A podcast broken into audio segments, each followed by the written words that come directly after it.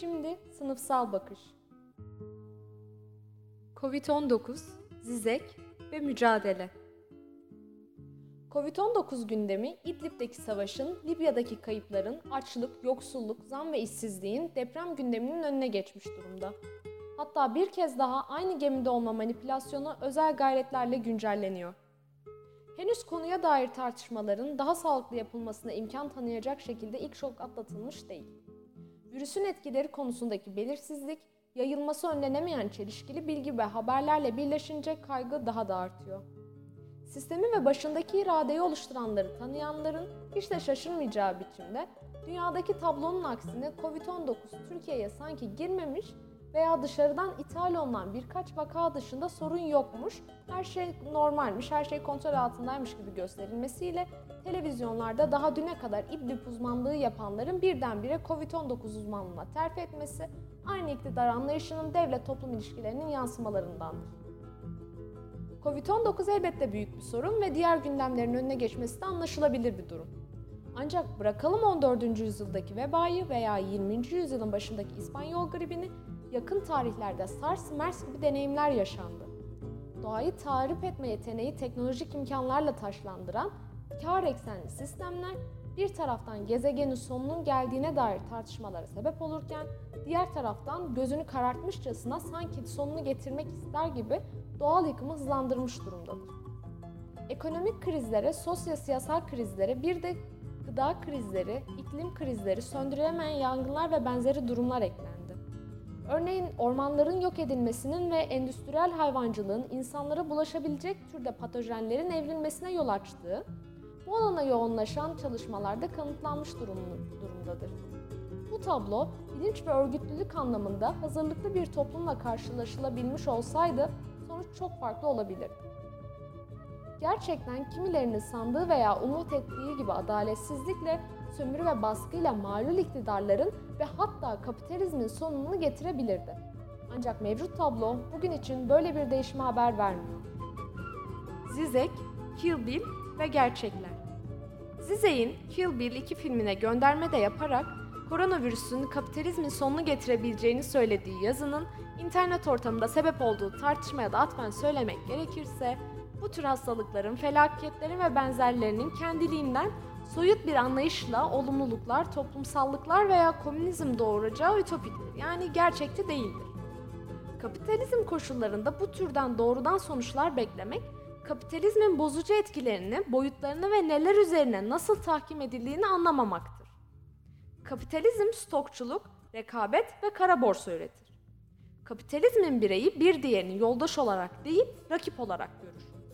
Afet, deprem ve benzeri anlarda insanların bir kesiminin daha da vahşileşmesi, bencilliğin, rekabetin öne çıkması kapitalizm koşullarında örgütsüzlük ortamında etkilenmenin niteliğini ve boyutunu anlatan verilerden biridir. Zizek'in küresel bir dayanışma ağı önerisini virüsün zengin fakir ayrımı yapmadığına dayandırması ve aynı gemideyiz vurgusu, bakıştaki sınıfsal eksikliği ve yanılgının özünü oluşturur. Kapitalizmin koronavirüsle beraber sonunun gelmesini beklemek nasıl değerlendirmede bir yanılgıya dayanıyorsa, korona kapitalizmin ve küreselleşmenin tarihsel bir dönemine son verdi. Yani kapitalizm ve e, küreselleşme iflas etti demek de bir yanılgıdır. Son dönemlerde hemen her tıkanma belirtisinde sistemin küreselleşmeden korumacılığa geçeceği değerlendirmelerine sıkça rastlarız. Ancak bilinir ki sistem sahipleri alternatiflerini üretmeden uygulamada oldukları bir yöntemden vazgeçmezler. Korumacılığın ise bugün onlar tarafından neden tercih edilmeyeceği kapitalizmin işleyiş yasalarında mevcuttur. Zizek'in çizdiği çerçevedeki bir diğer yanılgı da virüsün ayrım yapmıyor olduğudur. Kimi yerlerde bakan, başbakan ve benzerlerinin virüse yakalanmış olması sınıfsal gerçekliği değiştirmez. Bunlar büyük tabloda istisnalar sayılır olguyu bu türden sınıflar üstü eşitlik yakla, yaklaş, yakıştırmaları üzerinden okumak yerine yoksulların sokaklarda, servislerde, toplu taşıma araçlarında hastalığı birbirine bulaştırırken zenginlerin özel uçaklarda dolaşması, kendilerine korunaklı adalar alması üzerinden değerlendirilmelidir. Sağlıklı beslenin korunun çağrısının gereğinin yerine getirebilme konusunda bile bir eşitsizlik vardır. Dünya ölçeğinde açlık çeken yaklaşık 1 milyar insanın bu çağrıya nasıl karşılık verebileceği sorusu aynı zamanda bu tartışmanın yanıtıdır. Çin'in diğer ülkelere oranla daha eşitsiz koşullarda yakalanmış olmasına rağmen hastalığı kontrol altına alması, organize oluşu, disiplini, sosyalizm olmasa da ve çeşitli nedenlere dayansa da ABD, Avrupa gibi kapitalizmle özdeş rejimleriyle özellikle neoliberalizmle beraber neyi nasıl çözüm dağıttığını, çürüttüğünü görmeyi sağlayan boyutlar taşıyor. Toplam tabloya bakılırsa Zizek'in sandığının aksine bu türden gelişmeler insanların komünizme doğru zorlamıyor, böyle bir toplumsal zeminde yoktur. Aksine özellikle ülkemiz özünde söylersek, sınıfsallık üzerine yeni kapı ruhunun şalının tekrardan örtülmesi ihtimali vardır. Burada gerçek nedenleri işaret etmeden, Burjuvazi ile aynı gemide olunmadığı, virüsle mücadelede de adaletsizliğin olduğu öne çıkarılmadan bu bilinçle örgütlenmeden doğacak kendiliğinden sonuçlar halkların lehine olmayacak. Bu tartışma kriz kavramıyla beraber sürdürülebilir. Bilindiği gibi kriz içinde mücadele isteğini açığa çıkartıcı niteliklerden söz edilir. Ancak hiçbir krizle sistemin kendiliğinden yıkılmayacağı da bilinir. Bugün artık kapitalizmin etkisi ütopikler döneminde çok daha öte ve köklüdür. Ütopiklerin akıl aydınlanma çağına dair naif naiflik de içeren yaklaşımları anlaşılır niteliktedir. Ama bugün için ütopyalara sahip olmanın olumlu yanları olsa da sistemin hiçbir zorlanma noktasında kendiliğinden çökmesi veya çözüm doğurması beklenmemelidir. Anlatmaya çalıştığımız ve üzerine durulması gereken olgu, kriz dönemleri dahil hiçbir sarsıntı veya tıkanmanın sistemi kendiliğinden yıkmayacağı, alternatifini üretmeyeceğidir.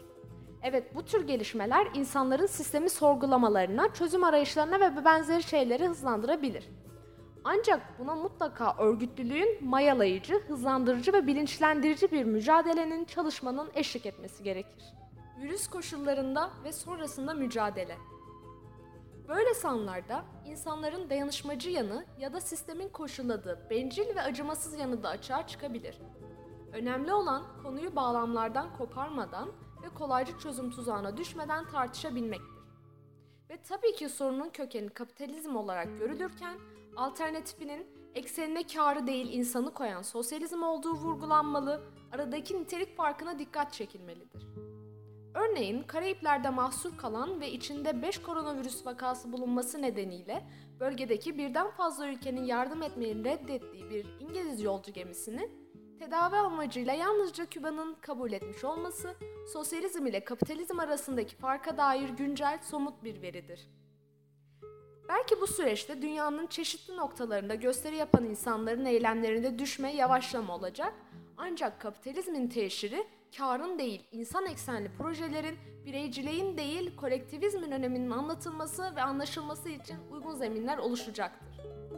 Bugün artık maddi zeminin uygunluğuna rağmen hiçbir kazanım kolay değil ve kendiliğinden olmayacaktır. Bu sürecin insanları kolektif tavır alışlara yönelten niteliği çeşitli açılardan öğretici olacaktır. Virüslerin etkisini ne kadar süreceği belirsiz ancak daha önce deneyim içinde kazanılmış örgütlenme ve dayanışma pratikleri bugün için nasıl gerekli ve değerli ise bu süreçte oluş, oluşacak deneyimler de sonrası için yararlı olacaktır. Bilinir ki kitlelerin pratik eylem içinde bilinçlenmesi, örgütlenmesi daha hızlı ve kolay olur. Süreç niteliği gereği eleştirel bakanları, kolektif davranma eğilim gösterenleri, dayanışma içinde olanları bir araya getirecek ve yeni deneyimler kazandıracaktır. Devrimciliğin hazır kalıplara sığmadığı, her durum için geçerli mücadele formüllerinin olmadığı gerekliliğinden hareketle söylersek, bugünün mücadele ihtiyaçlarının doğru okunup gerektiği gibi değerlendirilmesi süreci güncel ihtiyaçlar eşliğinde uzun, elimli bir ufukla karşılaşmayı gerektirmektedir.